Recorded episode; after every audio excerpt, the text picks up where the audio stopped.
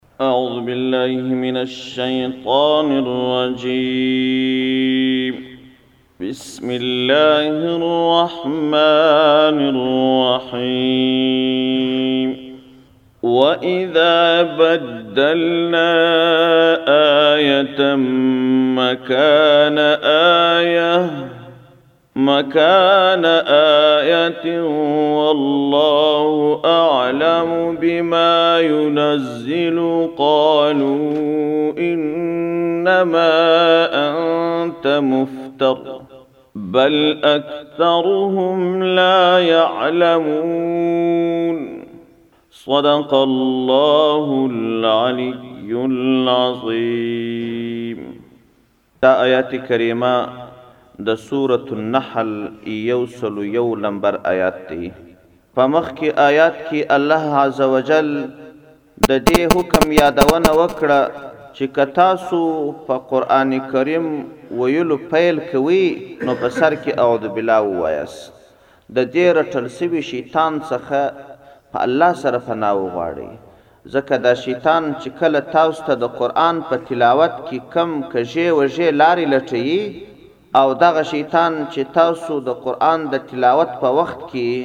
په بېلابېلو فکرونو اخته کوي نو د قرآن کریم په پیل کې اول وارې تاسو په د دې رټل شوي شیطان څخه په الله سره پناه وغواړئ او دا ووایاست چې اعوذ بالله من الشیطان الرجیم یا الله زه په الله سره پناه غواړم ددې رټل شوي شیطان څخه ددې رټل شوي شیطان مخ زما سه تور کې یا الله جن ومې ساتې. اوس د قرآن کریم اړوند یو بل ډول دوکه او یو بل ډول کوږوالی، کږه لاره، شیطان د بعضو خلکو په زړو کې ور اچي یا یې د علیه السلام په زمانه کې د خلکو په زړو کې اچول د هغې وسوسې او د هغې کږې لارې اړوند الله په دې آیات کریمه کې یادونه کوي هغه کږه لاره څه وه هغه لاره دا وه چې بعضې مشرکان به پیغمبر علیه السلام ته راتلل شیطان به لارې ورته ښودلې کږې وږې خبرې به یې ورته کولې کږې وږې خبرې دا وې چې دغه قرآن کریم چې د الله کتاب دی، د الله کلام دی، نو په دې قرآن کریم کې خو کله یو حکم نازل شوی، څه وخت وروسته بیا هغه حکم نه وي، بل حکم نازل شي، څه وخت وروسته بیا دا حکم منسوخ وي، بل حکم نازل شي، دا څنګه الهي کتاب دی دا څنګه الهي کلام دی دا که د الله کلام وی نو حکم خو به یو حکم وو خبره به یوه خبره وه دا څنګه یوه ورځ یوه خبره وی بله ورځ بله خبره دا خبره به دی کول لکه دی چه دا خبره کول دا احکام خو بدلیدل په دی کی خو شک نه وو خو دا چې د احکام بدلېدل په دې کې حکمت څه وو؟ دوی جاهلان په هغه حکمت نه پوهېدل. د الله عزوجل په دې کې حکمت وو چې د احکام به یو په یوه بدلول. د الله تعالی عزوجل په دې کې حکمت وو چې د احکام به په ددریج تدریج نازلول. نو دوی به دا ظاهراً اعتراض کاوه چې وګوره دا که د الله کلام وي نو حکم به ولې بدلېدی؟ ولې یوه ورځ به یو حکم و یو ورځ به بل حکم و؟ دا خبرې به یې پیغمبر علیه السلام ته کولې. دا چې دا احکام بدلېدل یا نوي نوي احکام راتلل په دې کې خو د الله تعالی عزوجل حکمت دا و چې په شروع کې د اسلام چې خلک په کفر او په شرک کې ښه اخښل شوي وه یو دم د اسلام د ځلا پر طرف راغلل. نو که چیرې د اسلام ټول احکام ده ته بیان شوي وای چې ګوره ته به پنځه وخته لمونځ کوې او همدا ډول روژه به نیسې، زکات به ورکوې، حج به ادا کوې، جهاد به کوې، نو دا ټول احکام چې ده په خپل زړه باندې عرض کړي وای شیطان به ورته ویلی چې دا په څه بلا اخته شولې نعوذ بالله دا څومرې ډیر اعمال دي دا کله ته سرته رسولی شې، ده ته به ګران دا شی معلومیدی. نو د الله تعالی احکام په تدريجي ډول باندې وه، اول وار يوازې کلمه د لا اله الا الله محمد رسول الله دا لازمه وه بس بل حکم نه وو، څوک چې به د اسلام په دين کې داخلېدی فقط دا کلمه به يې وويل بيا شی نه وو باندې لازم، نه لمونځ وو، نه روژه وه، نه حج وو، نه زکات وو، نه نور اعمال وه،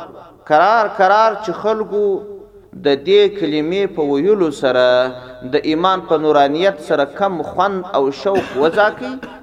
نو د ایمان او د اسلام سره یې محبت ډېر سو، په دوهم قدم کي بیا لمونځ نازل سو. د لمانځه حکم چي خلګو عملي کړ او په کرار کرار ئې د دې ایمان خوند نور هم وڅاکه، بیا ورپسې روژه، زکات، حج، تمام احکام نازل سول. او همدا ډول احکام هم بدلېدل، د مثال په ډول باندي، د اسلام په شروع کي اول واري تهجد لمونځ فرض سو، ټولو خلګو د تهجد لمونځ کاوه،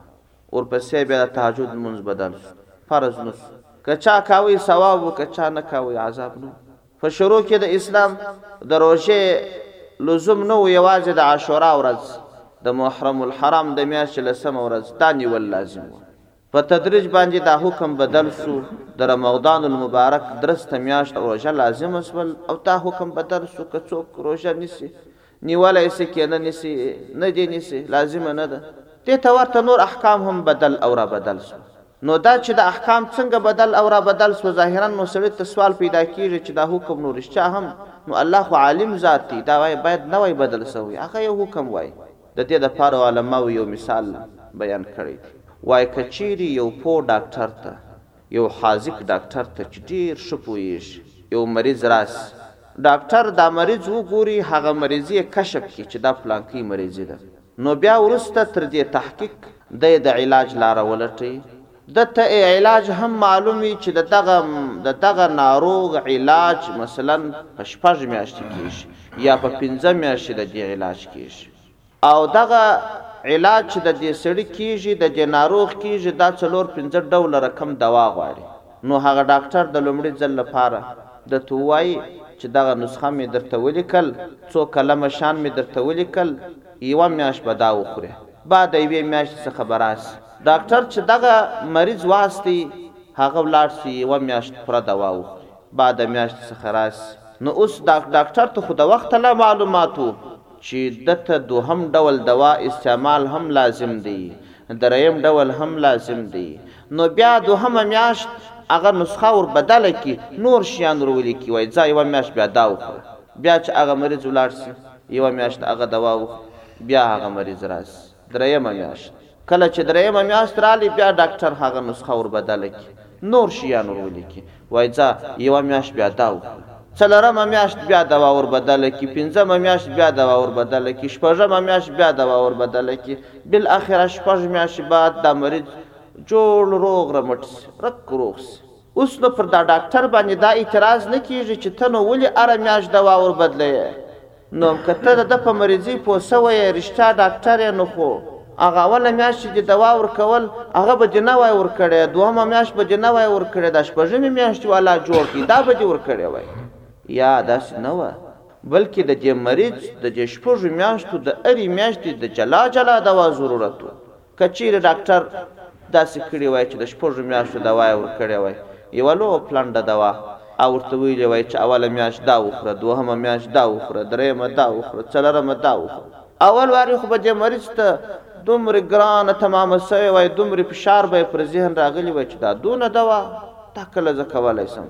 زه اوس دومرې ناروغه یم. دغه د دماغ فشار دا خپله دې ناروغ ته یو بله ناروغي وه. او ممکن مريض خو ډاکټر نه دی، کېدلی شي دا دوا وې سره اړولي را اړولي وای، مخکې دوا يې وروسته خوړلې وای، وروسته يې مخکې خوړلې وای، په نتيجه کې به هلاکت رامنځ ته شوی وای، د جوړتيا پر ځای به ناجوړتيا رامنځ ته شوې وای، نو ډاکټر داسې نه دي کړي، بلکې هره مياشت يې جلا جلا را غواړي، جلا جلا نسخه ورکوي. دا کوم کسان چې په کفر کې وه، په جهالت کې وه، دا د دې کفر و شرک، ناجوړۍ، دې لا بېخي تر هلاکته رسولي وه. دا شرک یو ډول ناروغي ده، کفر ناروغي ده، ګناه ناروغي ده، خورا زیاتې ناروغۍ په دې انسانانو په وجود کښې وتلي وې، الله عزوجل ډېر ښه طبیب دی، قادر مطلق ذات، نو هغه دا خپلو بندګانو ته بېلابېلې نسخې ورکړلې. د اول ځل لپاره یو ډول احکام نازل کړل دی چې کله د هغه سره بلد سول نو بیا الله عزوجل په دې ښه عالم و چې د احکام بدل کی نور احکام ورکی دغه اعمال د انسان د انسان باطنی ناروغی له منځه وړي په دې کې هیڅ شک نسته زهد او تقوا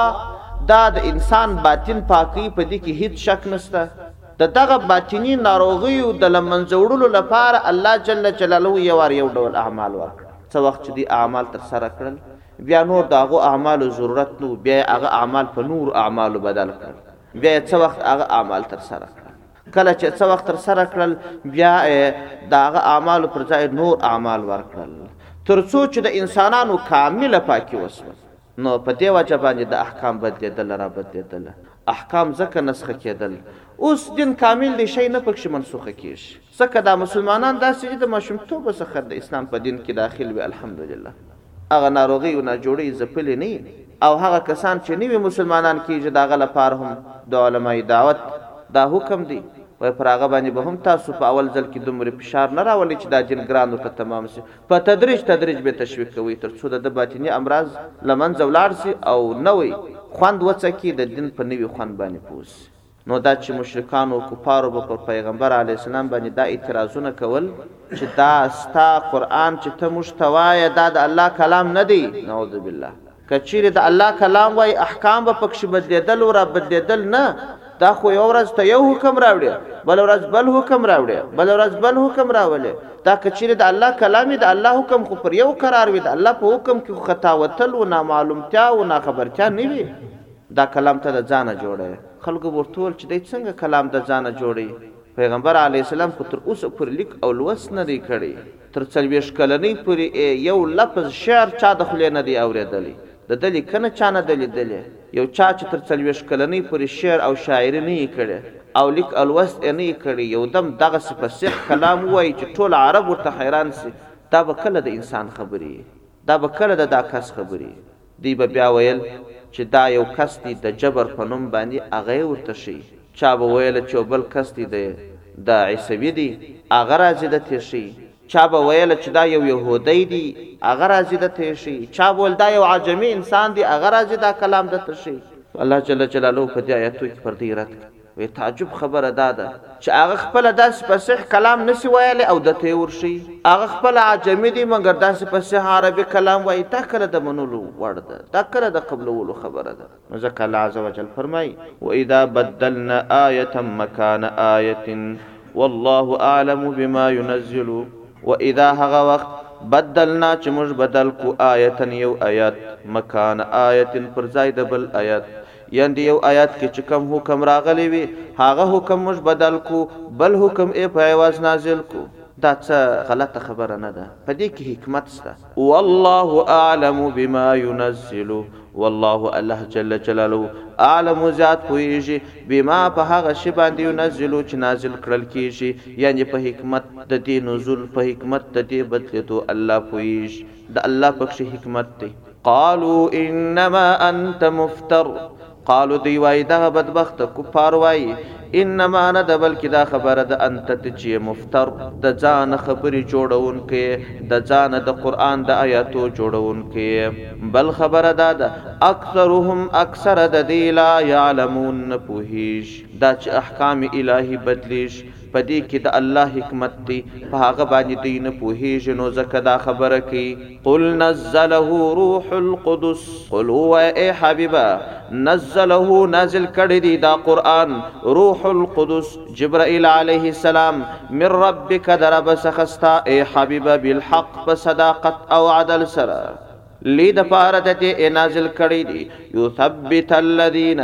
چي ثابت کي هغه کسان، آمنو چي ايمان ئې راوړی دي، ټينګ کي، پر صحيح لاره باندي ئې روان کي، وهدی، هدايت دی دا کتاب، وبشرا، زېری دی، للمسلمين، اسلام قبلوونکو خلګو ته، د جنت زېری دی، د خوشحالۍ او د کاميابۍ زېری دی، د هغه کسانو لپاره، چې هغه ایمان لرونکي دي او د الله حکم منونکي دي، ولقد نعلم انهم یقولون،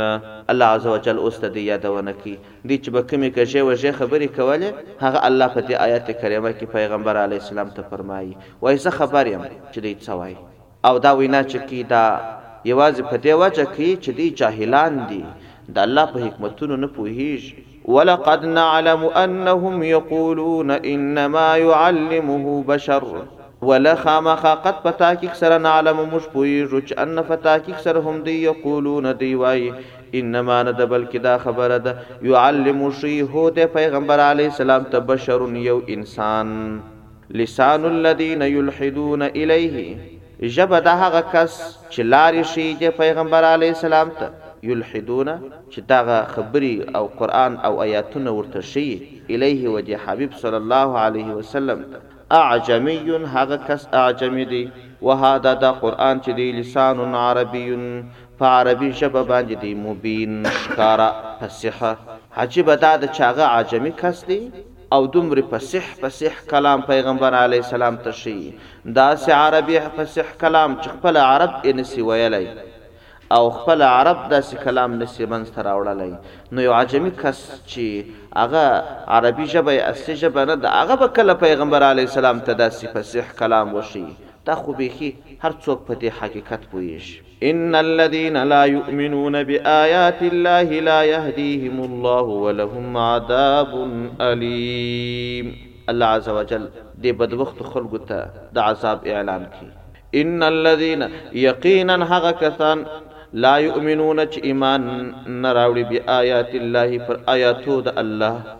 هغه کسان چی د الله آیاتونه نه منی د الله احکام نه منی لا یهدیهم الله الله ورته هدایت نه کی الله ورته لاره نه ښیی ولهم دوی لره عذاب الیم عذاب ډیر دردناک دی انما نه ده بلکه دا خبره ده یفتری الکذب جوړوي درواغ الذین هغه کسان لا یؤمنون چې ایمان نه لري بآیات الله په آیاتونو د الله واولئک دغه کسان چې دي هم دی الکاذبون هغه کامل درواغجنان دي پیغمبر علی السلام درواغ نه جوړوي دا خو د الله پیغمبر دی. دغه بدبخت خلک چې د الله کلام کلام نه بولي دا درواغ د ځانه جوړي دا د الله څخه لري خلک دي من کفر بالله من بعد ایمانه الا من اکره وقلبه مطمئن بالایمان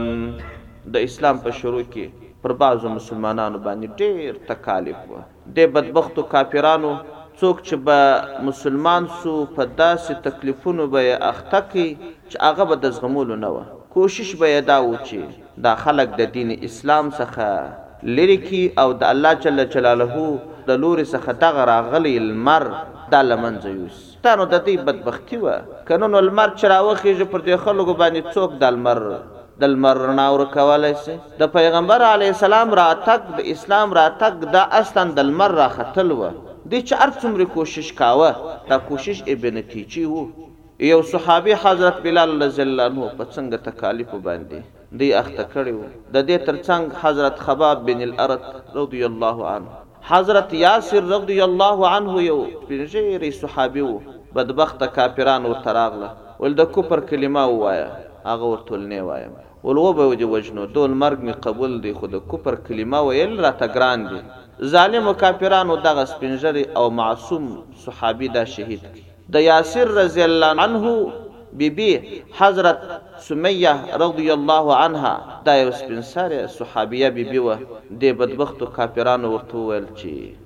د اسلام د دین څخه واوړه، دې ورته وویل یا نه اوړم، ول د کفر کلمه ووایه، سمیه رضی الله عنها ورته وایی نه د کفر کلمه چیری وایم، ول وبه دې وهو، ول هر څومره چی می ووهی خو بیا هم زه د دین څخه نه اوړم. ول وبه دې وژنو ول قتل مې قبول دی خو د کفر کلمه ویل راته ګران دي ابو جهل ظالم امیه بن خلف داسې سرسختې کافران یو روایت کې راځي وایي دغه معصومه بي بي د دې یوه پښه یې پر یوه اوښ پورې وتړل او بله پښه یې په بل اوښ پورې وتړل او بیا یې اوښان په زور سره وشړل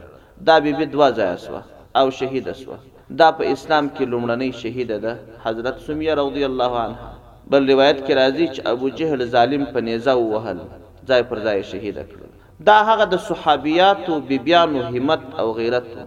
د اوس زمانې ښځې چې خپل ځانونه ورباندې قیاس کړي یو شیطاني ریا رواج د قرآن پر آیت نه پرېږدي شیطاني رواج چې وه دا مه کوه وایي دا رواج دی دا نه مني. نو اصلا د دې خلکو هم په دې کې مسؤلیت دی چې د دې ښځو تربیت په صحیح ډول باندې وکړي، تعلیم د دې ښځو په صحیح ډول باندې وکړي. ماشومه انجلۍ چې په کور کې راپورته کېږي، نو د ژوندانه کارونه مور ور زده کوي، خو پلار دومره نه دي کړي چې شعوري اسلام په زده کړي. ګوره یو موروثي اسلام دی، یو شعوري اسلام دی. موروثي اسلام دا دی چې فقط دا وایې چې مسلمان یم او شکر مسلمان یم لا اله الا الله محمد رسول الله او مسلمان یم او لمونځ کوم د عادت په ډول باندې د دې دین چې کوم حقیقت دی او خوند دی چې دا دین تر ټولو شیانو مخکې دی په هغه نه پوهېږي. دی چې سهار راپورته شي، شپه تېره کړي، سهار راپورته شي، بیا ورځ تېره کړي او ماښام بیده شي، تر سهاره پورې څلرویشت ساعته دا فکر وي چې زه څه وګټم، کوم کاروبار وکړم، د ژوندانه مقصد ئې د دنیا کار او پیسې ګټل جوړ کړی، دا موروثي مسلمان وي. او که د چا دا فکر وي چې زما د ژوندانه مقصد د دین لاسته راوړل دي، زما د ژوندانه مقصد د اخرت لپاره کارونه کول دي، دا یې په فکر کې ورسره یې دا شعوري مسلمان وي. دغه ماشومه نجلۍ چې په یو کور کې لوییږي دا پلار یې مسؤلیت لري چې دا خپلې لور څخه شعوري مسلمانه جوړه کړي. کله چې د رواج او د دین خبرې ټکر سره راشي نو دا به د دین خبره عملي کړي، رواج به پریږدي او دا به وایي چې زما د ژوندانه مقصد خو د الله رضا ده، زما د ژوندانه مقصد خو د دنیا عیش و عشرت یو څو شپې ژوند دا نه دی نو په دې وجه باندې دا ښځې اکثره په کورو کې هم دغسې فکر لري، په دې کې به د دې کورونو د خاوندانو مسؤلیت وي، چې شعوري ئې پوه کړي، شعوري مسلمانان ئې او که داسې ښځې وي، چې وادا کار ولې کوې؟ وايي او خو ګرده دنیا ئې کوي. دا دا یو شی چې ګرده دنیا کوي دا لازم بولي او که یو داسې کار ورته ووایه، چې هغه د دین خبره وي، وايي دا مې بیا نه وې واورېدله، دا نه مني، که څه هم د دین خبره وي، نو دا موروثي مسلمانان دي. موروثي مسلمان هغه ایمان او اسلام په ډېر تکلیف تېروي، د الله عزوجل د عذابونو څخه خلاصېدل خو ډېره لرې خبره ده، یا یا ایمان دا وړل، ځکه خو ده مقصود ایمان نه یي بللی فقط د عادت په شکل چې خلک مسلمانان دي زه هم مسلمان یم، او دا پیغمبر علیه السلام په احادیثو مبارکانو کې فرمایلي دي چې په اخره د زمانه کې به دا موروثي مسلمانان وي دا اسلام او دین به داسې وي لکه یو قوم. لاکۍ قوم دا مسلمان به هم ملت بلي کي بس. ملت دي څه دي مسلم يا کافر فقط د ملت په ډول به دا شی لیکي نور به شعور شی نه وي او الحمدلله دلته خو لا مسلماني سته د دنیا نورو هیوادو ته چې ولاړ سې ټول خلک اوس دغسې ګرځېدلي دي بیخي خو د دې د بقا لپاره څه کول پکار دي راځم خپل مقصود ته حضرت سمیه رضی الله عنها دا شهیده سول خو د کفر کلمه ئې ونه ويله. حضرت عمار بن ياسر رضی الله عنه د دې دواړو شهيدانو زوی وو. عمار رضی الله عنه چې وليدل پلار ئې ورته شهيد کړي، مور ئې شهيده کړل. کفارو دی را ټنګ کړي چې اوس چې نوبت دی ووايه د کفر کلمه. ده فکر وکړي چې د کفر کلمه که ونه وايم نو ما به هم پر دغه طريقه باندې شهيد کړي. ډېر. په زړه کې وهم پیدا شو، ویره پیدا شوه، نو ظاهراً ئې د کفر کلمه وویله، ځان ئې ځنې خلاص کړ، بیا مهاجر شو مدینې منورې ته. اوس. کله چې د کفر کلمه وویل، د دې څخه چې دا تیر شو، بس یو دم په ژړا شو، دا خو دې د کفر کلمه وویله، نو ډیره ګرانه ورته تمامه شوله. نو په ژړا ژړا پیغمبر علیه السلام ته رالی ویل یا د الله رسوله زما سه خو دغسی وسوه مور ئې راته شهیده کړل پلار ئې راته شهید کی او زه ئې هم راټینګ کړم ول اوس چه نوبت دی ژر د کفر کلمه ووایه نو ما د دی د خلاصون لپاره یو څه د کفر خبره وکړل پیغمبر علیه السلام ورته ویل دغه وخت چه تا دا خبره کول زړه دی څنګه وو ویل یا رسول الله په زړه می الله عالم دی. چې په زړه کې مې کلک ایمان و، د دین سره محبت و، پیغمبر علیه السلام ورته ویل، دا جائز دی، په دې سره ته کافر شوی نه یې، تا ځان خلاص کړی دی، د دې اجازت دی درته. د دغه حکم د تثبیت لپاره چې پیغمبر علیه السلام عمار بن یاسر رضی الله عنهما ته ورکړی و، دا آیت نازل شو، چې څوک د ایمانه واوړي، پر هغه خو د الله غضب دی، الا من اکره، مګر هغه کس چې زور ورباندې وکړل شي. او هغه کس چې د کفر ګواښونه ورته وکړل شي، هغه کس چې وژل کېږي، د ځان د خلاصون لپاره که یوازې په ژبه باندې ووايي، وقلبه مطمئن بالایمان، په زړه کې زړه یې مطمئن وي په ایمان باندې، د دې کس ایمان له منځه نه ځي، دا مسلمان دی، خو په دې اړه باندې یو حکم شته، ورپسې به باندې راشو د آیات د ترجمې وروسته. من کفر بالله من بعد ایمانه. من هغه څوک کفر چې کفر وکړي بالله په الله سره من بعد ایمانه وروسته تر ایمان دده. چې ایمان ئې راوړي بیا کافر شي حکم ئې وروسته راځي الا خو بیا داسې نه دی من هغه څوک اکره چې زور ورباندې وکړل شي وقلبه مطمئن او زړه د ده مطمئن وي بالایمان په ایمان سره په زړه کې یې کلک باور وي اطمینان قلبي یې په ایمان سره وي اوس هغه حکم دی ولکن دونه خبره ده من هغه څوک شرح چې خلاصه کړي بالکفر په کفر سره صدرا سینه من کفر بالله من بعد ایمانه وشرح بالکفر صدرا فعلیهم فعلیهم پس پر دوی باندې غضب غضب دی من الله د الله د لوري څخه ولهم دوی لره عذاب عذاب دی عظیم ډیر لوی عذاب دی څوک چې کفر په الله سره تر ایمان وروسته وکړي ګوره یو خو کافر دی د هغه دپاره خو عذاب دی نه هغه کافر چې یو وار د ایمان ځلا ورته ښکاره سي بیا کافر سي د دې لپاره بیا ډېره سخته سزا ده ځکه ده خو دا لار هم ولیدل دا خوند یې هم وڅاکئ بیا کفر ته ولاړئ دا ډېره لو خبره ده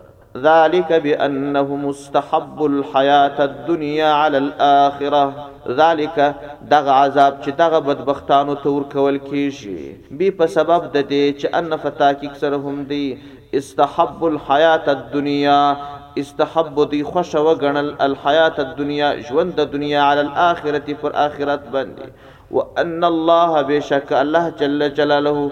لا يهدي هدايت نه کوي القوم الکافرين هغه قوم ته چې کافران وي کافر کسانو ته الله جل جلاله هدايت نه کوي لاره نه ورته ښيي بس په تکه توره تياره کې به روان وي چې په هره کډه کې ولوېدی په هغه کې به لوېږي او څوک چې مؤمن وي د هغه سره يو لوی د روشنايي څراغ ورسره وي په دې توره تياره کې د کډو څخه ځان خلاصوي پر سيده سيده لاره باندې روان وي. اولئک دغه کسان چې دي الذین هغه کسان دي طبع الله چې مهر لګولی دي الله جل جلاله علی قلوبهم پر زړو باندې ددی وسمعهم پر غوږو ددی وابصارهم پر سترګو ددی واولئک دغه کسان چې دي هم دی الغافلون هغه نا خبره کسان دي لا جرمه هميشه به ان په تحقيق سره هم دوی في الاخرة په اخرت کي هم دوی الخاسرون هغه کامل تاوانيان وي دوی. اوس يوه مسئله دي ستاسو په ذهن کي وي که چيري يو کس د کفارو سره مخ سي يا د ظالمانو سره مخ سي هغه د کفر کولو خواته ئې وهڅوي يا ده ته ګواښونه وکړي که چيري ته کافر نه سې نو موږ به تا ووژنو. په دغه حالت کې نو دوې لارې دي یوه ډېره د عظیمت خبره ده او د لوړ مقام حاصلولو خبره ده او یو رخصت دی اجازت دی که چیرې څوک لوړ مقام حاصلول غواړي نو هغه که شهید سي او د بدن هر عضو د لاسه ورکړي دا به د الله په دربار کې ډېره قبولوي ځکه دا د دین د اسلام او د مسلمانانو د همت د ښکاره کولو لپاره د کفارو د زړه اچولو لپاره ډېره لویه وسیله ده او که چیري دی د کفر کلمه په خوله باندي ووایي د هغه د ظلم څخه ځان خلاص کړي هم جائز دی څه ممانعت نسته باندي او که چیري یو سړی داسي حالت ته ورسیدی چي ډیر سخت وږی وو او د لوږي په وجه باندي دی و هلاکت او مرګ ته نژدې وو یوازي او یوازي د خوږ غوښي موجودي وې د خوږ غوښي څومري نجسي دي دومري نجسي دي چي تر تمامو نجسو شیانو بدي دي د سپي تر غوښو بدي دي. د سپي اډوکي چې وچ شي، لمر یې غوړزګي یوسي، دا اډوکي یې پاکېږي. خو د دا خنځیر هغې نه وېښته پاکېږي، نې غوښه پاکېږي، نې اډوکی پاکېږي، هېڅ شی نه پاکېږي، داسې نجس شی دی، نجس العین. نو که چېرې دغه د خوګو غوښې موجودې وې، بل شی نه و، نو دلته هم تا ته په کار نه ده چې ته وایې زه د خوګ غوښې نه خورم، ځان وژنم، یا، ځان مه وژنه په دا ځای کې. په دې ځای کې خو هغه مقصد لاس ته نه راځي چا د مسلمانانو همت ښکاره کېدل دي، د اسلام. د مسلمانۍ د بیرغ لوړېدل دي، هغه خبره نه پکښې راځي، دلته نو بیا داسې وکړه، ځان مه وژنه، ځان د مرګه څخه خلاص کړه، د خوګ غوښې دومرې قدر وخوره چې ته فقط د مرګه په راوګرځېږې. نو دا حکم اوس هم شته هر چیرې چې سړي ته دغسې مشکل پیښ شي د ځان د خلاصون لپاره په خوله څه ویلای شي خو زړه به یې محکم وي ټینګ وي پر اسلام باندې. ثم ان ربک للذین هاجروا من بعد ما فتنوا ثم جاهدوا وصبروا ان ربک من بعدها لغفور رحیم ثم وروسته ان بېشکه ربک رب ستا چې دی للذین هغه کسانو لره دی یعنی پر هغه کسانو مهربان او هغه کسانو ته نعمت ورکون احسان کون هاجرو چې هجرت ای کړی دی من بعد ورسته ما تر هغه فوتنو چې دی په فتنه کې ولویدل په عذابو او تکلیفو کې ولویدل د کفارو د خوا ډول ډول تکالیف ور باندې تیر سو لکه عمر بن یاسر ثم ورسته جاهدو بیا دی جهاد وکي وصبرو صبر ای وکي ټول تکالیف ای وزغمل الله د دې خلکو دی د الله نعمتونه، احسانونه، د دنیا او د آخرت به پر دې خلکو وي. ان بېشکه ربک، رب ستا چې دی، من بعدها وروسته تر دې، له خامخا غفور، زیات بخښونکی دی، رحیم، زیات مهربانه دی. سبحان ربک رب العزة عما یصفون وسلام علی المرسلین والحمدللة.